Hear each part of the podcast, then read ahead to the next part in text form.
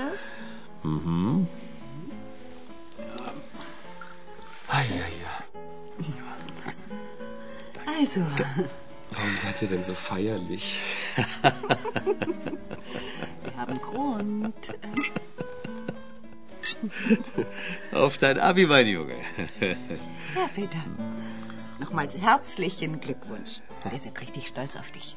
Prost, Mama. Prost. Prost, Papa. Prost. Ah, ich bin echt froh, dass die ganze Paukerei vorbei ist. Und irgendwie freue ich mich auch auf die Lehre. Endlich was Praktisches machen. Mit den Händen arbeiten.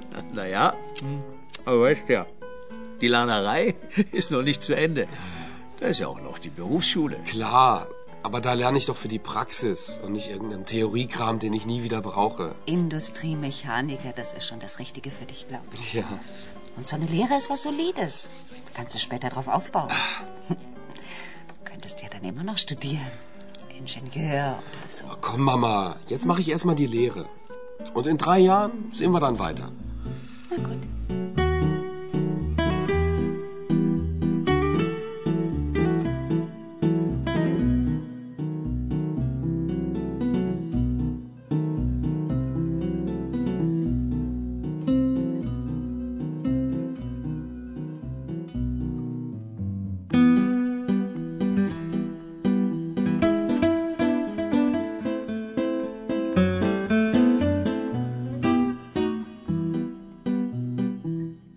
Eine Berufsausbildung, auch Lehre genannt, machen die meisten deutschen Jugendlichen nach der Schule, nämlich mehr als zwei Drittel eines Jahrgangs.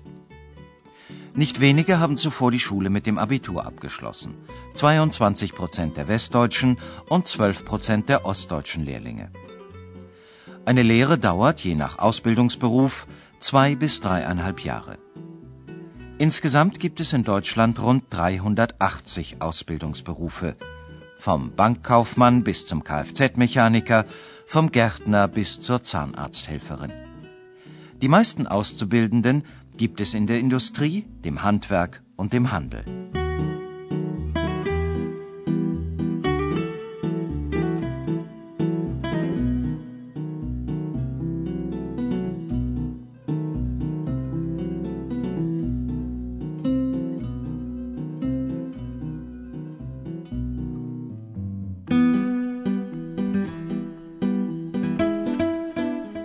Staat und die Lehre.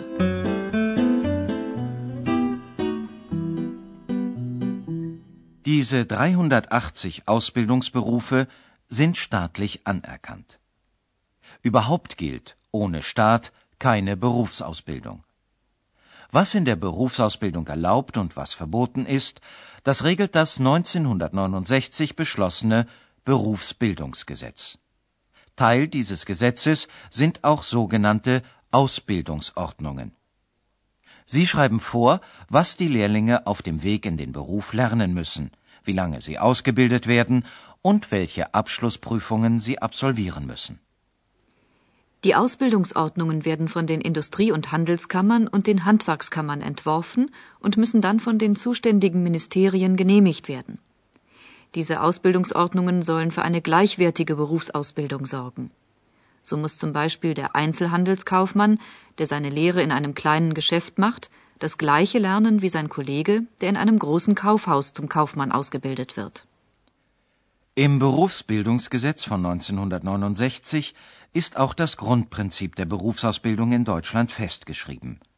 Das duale System. Dual heißt das System, weil der Auszubildende an zwei Orten lernt. In einem Betrieb und in der Berufsschule.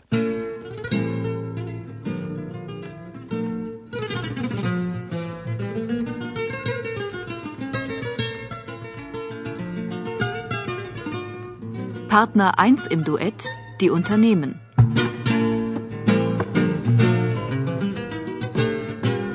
Der wichtigste Teil der Ausbildung findet in der Praxis statt.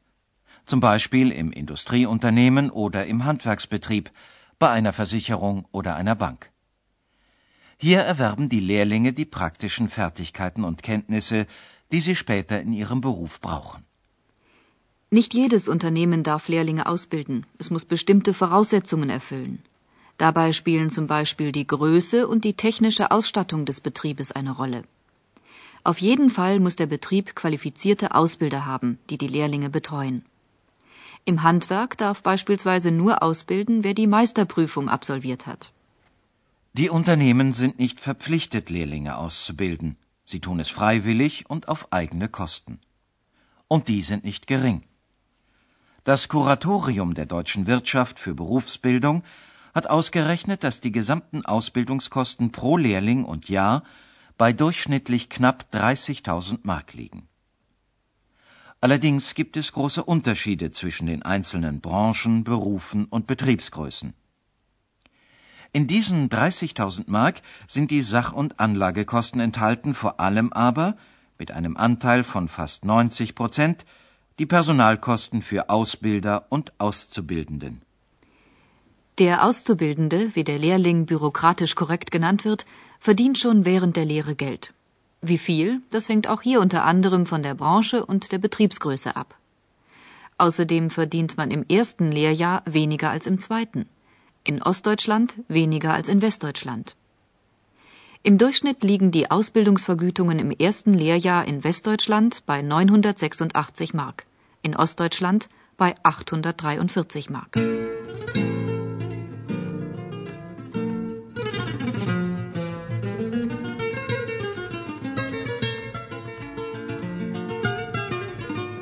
Partner 2 im Duett, die Berufsschule.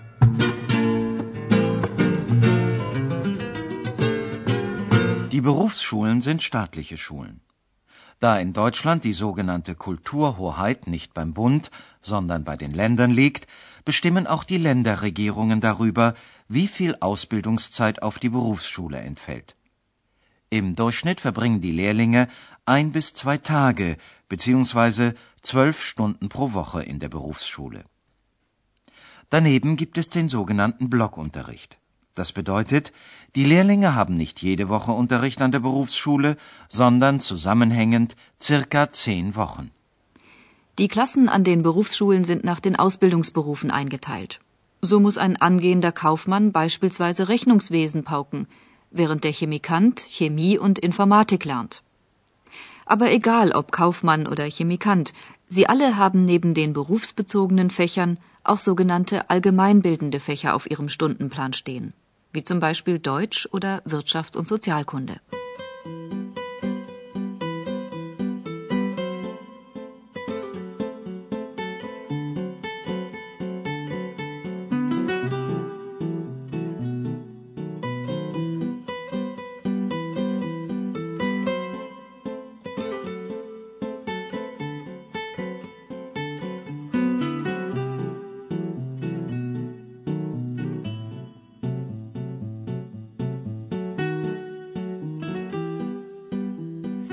Es gibt noch eine andere Variante im dualen System von praktischer Ausbildung am Arbeitsplatz und theoretischer Ausbildung in der Berufsschule. Manche Betriebe haben eine Lehrwerkstatt oder ein Ausbildungsbüro.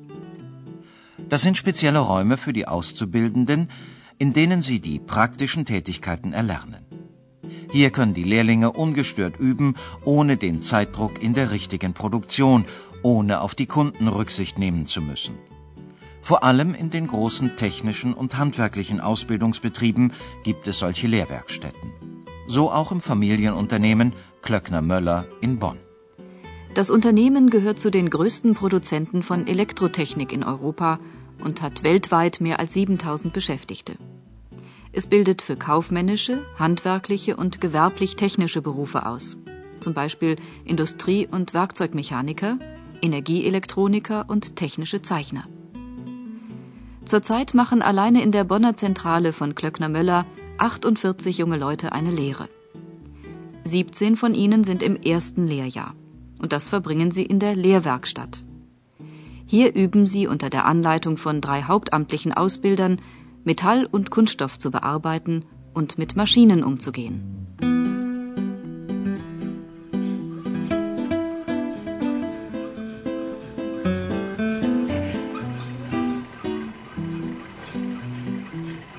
Die Lehrwerkstatt unterscheidet sich auf den ersten Blick kaum von einer normalen Produktionshalle. Maschinen laufen auf Hochtouren, überall wird gefeilt, gehämmert und gebohrt. Doch keiner, der hier arbeitet, ist älter als 20 Jahre. Die 17 Lehrlinge haben erst vor wenigen Wochen ihre Ausbildung angefangen. In blauen Latzhosen stehen sie an den wuchtigen Arbeitstischen oder an den modernen Dreh-, Schleif- und Fräsmaschinen. Konzentriert feilen einige an einem U-förmigen Metallteil, das auf der Arbeitsplatte festgeschraubt ist. Von Zeit zu Zeit blasen sie den feinen Metallstaub von ihrem Werkstück und betrachten es kritisch. Was noch aussieht wie ein einfacher Metallgegenstand, soll einmal die Ladefläche eines Miniaturlastwagens werden. Das erste Übungsstück, das alle Auszubildende von Klöckner Möller zu Beginn ihrer Lehre machen müssen. So lernen sie nicht nur, das Metall nach einer vorgegebenen Zeichnung millimetergenau zu bearbeiten, sondern auch mit den unterschiedlichen Werkzeugen und Maschinen umzugehen. In einer großen Glasvitrine in einer Ecke der Lehrwerkstatt stehen fertige Arbeitsproben früherer Ausbildungsjahrgänge.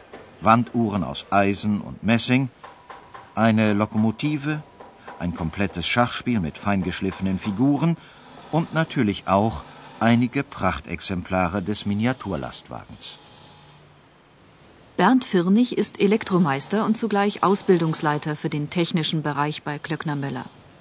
Er erklärt, warum sich die Lehrwerkstatt bewährt hat. Vorteile ist erstmal, dass man die jungen Leute erstmal hier zusammen hat. Man kann sie ein bisschen leichter einführen in den Betrieb. Die lernen ja auch hier schon Fertigung kennen, auch in der Lehrwerkstatt. Nicht direkt am Anfang natürlich, aber man kann hier konzentriert mit den jungen Leuten arbeiten. Wir sind aber der Meinung, wenn jemand von der Schule kommt, er muss irgendwelche Grundfertigkeiten erlernen. Ich kann ihn also nicht an eine Maschine gehen lassen, wenn er nicht weiß, was für eine Gefahr von der Maschine ausgeht, was kann die Maschine, wie muss ich sie handeln. Deswegen geht es in der Lehrwerkstatt ganz ohne Theorie nicht ab. Wir machen hier zu den praktischen Tätigkeiten wird auch eine betriebliche Unterweisung gemacht. Dazu, dass man jetzt sagt, so heute ist Bohren angesagt, gehen wir erstmal in den Unterrichtsraum, wird die Bohrmaschine erklärt, das Bohren selber auch, was für Bohrer, welche Geschwindigkeiten. Und dann gehen wir in die Praxis und bauen das oder machen das an der Maschine. In der Lehrwerkstatt können die Ausbilder die jungen Leute genau beobachten und prüfen, ob sie geeignet sind für den Beruf. Wir haben ja verschiedene Ausbildungsgruppen, das heißt also verschiedene Berufe, die wir hier ausbilden. Und da können wir, wir haben ja nun mal für alle Auszubildenden auch eine Probezeit, entscheiden, ist das der Richtige? Haben wir den richtigen Auszubildenden für uns?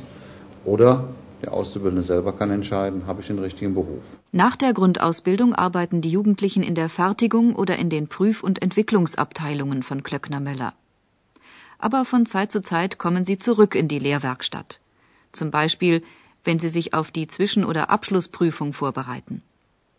Die Ausbilder wiederholen dann nochmal gezielt den Unterrichtsstoff, arbeiten Prüfungsaufgaben durch und beantworten Fragen der Lehrlinge. Sie helfen den Jugendlichen bei der Herstellung von Prüfungsstücken und der Anfertigung von Bauzeichnungen. So begleiten sie die Lehrlinge vom ersten Arbeitstag bis zur Abschlussprüfung. Hauptamtliche Ausbilder und Lehrwerkstatt, das ist ein Luxus, den sich nicht alle Betriebe leisten können. Besonders für kleinere und mittlere Betriebe, die nur wenige Jugendliche ausbilden, lohnt sich eine eigene Lehrwerkstatt nicht. Viele Betriebe haben auch nicht die notwendige technische Ausstattung, um ihrem Lehrling all das zu vermitteln, was er lernen muss. Sie können ihre Auszubildenden in sogenannte überbetriebliche Berufsbildungsstätten schicken, die mit moderner Technik ausgestattet sind und qualifizierte Ausbilder haben. Diese überbetriebliche Ausbildung wird vom Staat finanziell gefördert.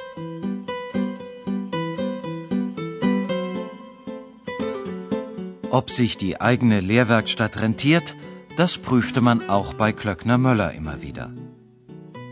Doch bisher fiel die Abwägung von Kosten und Nutzen immer zugunsten der Lehrwerkstatt aus. Und das seit 25 Jahren.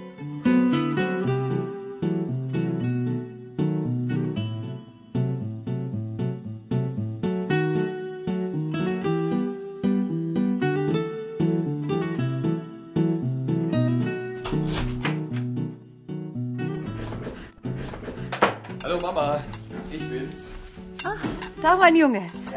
Wir können sofort essen. Hm, das riecht aber gut. Vorsichtig heiß. Na, wie war's heute? Och, ganz interessant. Ja, ich habe in der Lehrwerkstatt einen Energieelektroniker kennengelernt. Ja, der ist jetzt im dritten Lehrjahr. Und nach der Abschlussprüfung will der studieren. Und weißt du, wie der sein Studium finanziert?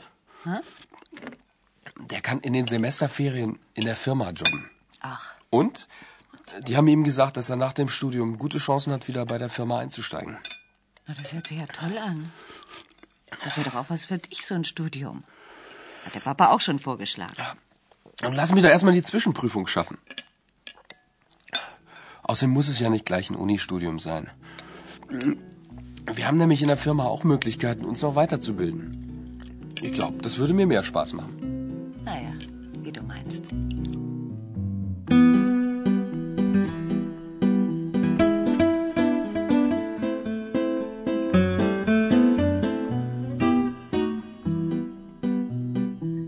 Studium oder innerbetriebliche Weiterbildung. Darüber hat sich auch der 23-jährige Matthias Christen Gedanken gemacht. Der Klöckner-Möller-Lehrling steht kurz vor seiner Abschlussprüfung zum Energieelektroniker. Danach will er Elektrotechnik studieren. Für ihn ist diese Kombination von praktischer Ausbildung und weiterführendem Studium optimal. Ich wollte erstmal was Praxisnahes machen. Es gibt E-Technik wie Sand am Meer. Und da muss man heutzutage erst einmal äh, Praxis vorweisen können. Und es ist gut, eine Beziehung zu einem Unternehmen aufgebaut zu haben. Dr. Möller ist ja eines der größten Unternehmen, also was jetzt der E-Technik angeht. Ne? Hat mehrere Vertriebsbüros in, ganz, in der ganzen Welt und Werke in ganz Deutschland.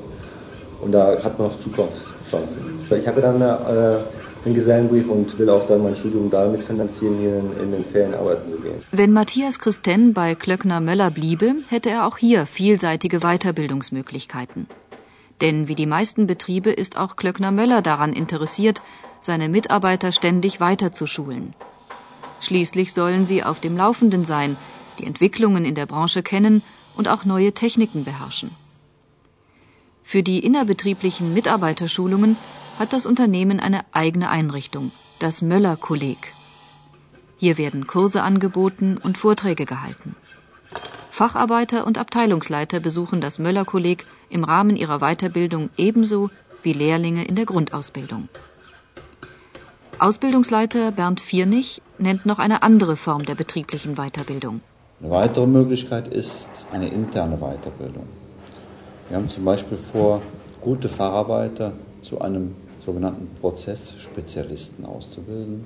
Das heißt, dass wir zum Beispiel einen fertigen Industriemechaniker als Facharbeiter, wir sehen, der ist sehr gut, den äh, können wir sicher für andere Aufgaben auch nehmen.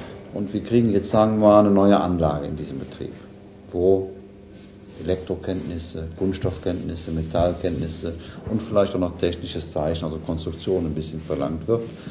Da geht er mal ein halbes Jahr in die Elektroabteilung, ein halbes Jahr in die Kunststoffabteilung, ein halbes Jahr in die Konstruktion und zum Schluss bekommt er so eine Art Zertifikat, so Junge, jetzt bist du hier Prozessspezialist für diesen Bereich, für diese große Maschine, bist du verantwortlich. Einmal ist das interessant vom Finanziellen, der kriegt dann einen entsprechenden Prozentsatz mehr, hat ja auch eine höhere Verantwortung ja, und hat es höheres Selbstwertgefühl. Das wird aber dann alles intern geschult. Der wird nicht jetzt irgendwo hingeschickt, sondern das versuchen wir alles intern zu regeln.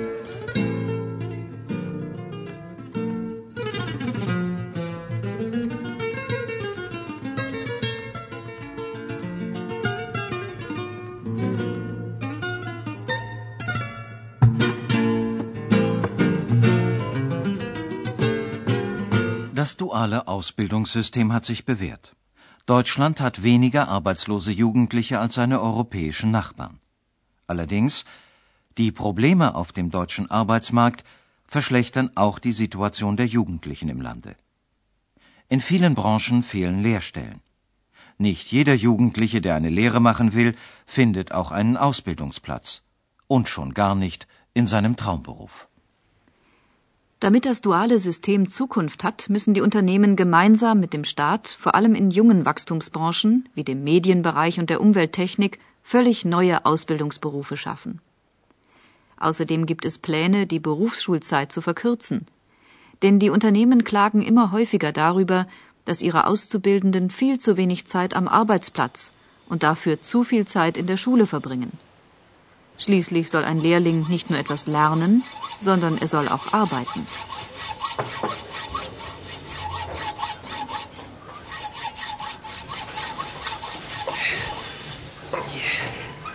Oh Mann, bin ich froh. Gleich halb sechs. Das kannst du laut sagen. Heute haben wir uns den Feierabend ausnahmsweise mal verdient. Ausnahmsweise ist gut. Ich hocke jetzt schon seit fünf Stunden an diesem Kunststoffteil. Das gleiche habe ich gestern und vorgestern auch schon gemacht. Du. Oh, morgen ist Schule. Achtung, der Schröder kommt. Na, Jungs, wie läuft's? Naja, ich glaube nicht, dass ich damit heute noch fertig werde. Aber am Mittwoch ist ja auch noch ein Tag. Mittwoch? Wieso Mittwoch? Willst du dich morgen krank melden oder was? Nein, morgen ist Schule. Ach. Und da hast du dir so gedacht, das Teil kann bis Mittwoch hier liegen bleiben. Naja, wieso geht das nicht? Jetzt hör mal gut zu. Die Zeiten in der Lehrwerkstatt sind vorbei. Was du hier machst, wird für die Produktion gebraucht. Und morgen muss das fertig sein, verstanden? Ja, aber wenn wir doch morgen Schule haben. Das ist mir doch egal. Der Laden muss laufen. Die Kunststoffschiene will ich morgen haben. Dann machst du halt eine Überstunde. Und überhaupt, ihr seid ja immer weniger im Betrieb. Ständig hockt ihr in der Schule rum. Und freitags geht's am Mittag schon ins Wochenende. Ja, Sie aber auch. Und außerdem müssen Lehrlinge nun mal in die Berufsschule. Schließlich wollen wir nicht dumm sterben, wa? Ja, ja, ja, ja. Dumme Sprüche. Das ist wahrscheinlich alles, was ihr da in eurer Berufsschule lernt. Und jetzt mal voran. Morgen will ich das Teil auf dem Tisch haben. Verstanden? Toll. Jetzt müssen wir uns wohl noch Vorwürfe machen, weil wir morgen Schule haben oder was. Aber eins sage ich dir. Wenn in zwei Monaten die Abschlussprüfungen losgehen, dann gibt's keine Überstunden mehr. Dann wird nämlich gelernt. Ja, da bleibt uns auch gar nichts anderes übrig. Aber denk doch einfach mal so. Nach den Prüfungen kann uns der Schröder mal. Dann sind wir keine Lehrlinge mehr. Ja, genau. Und mit der Schule ist dann auch endlich Schluss. Du, ich sag dir, dann geb ich voll die Party, du.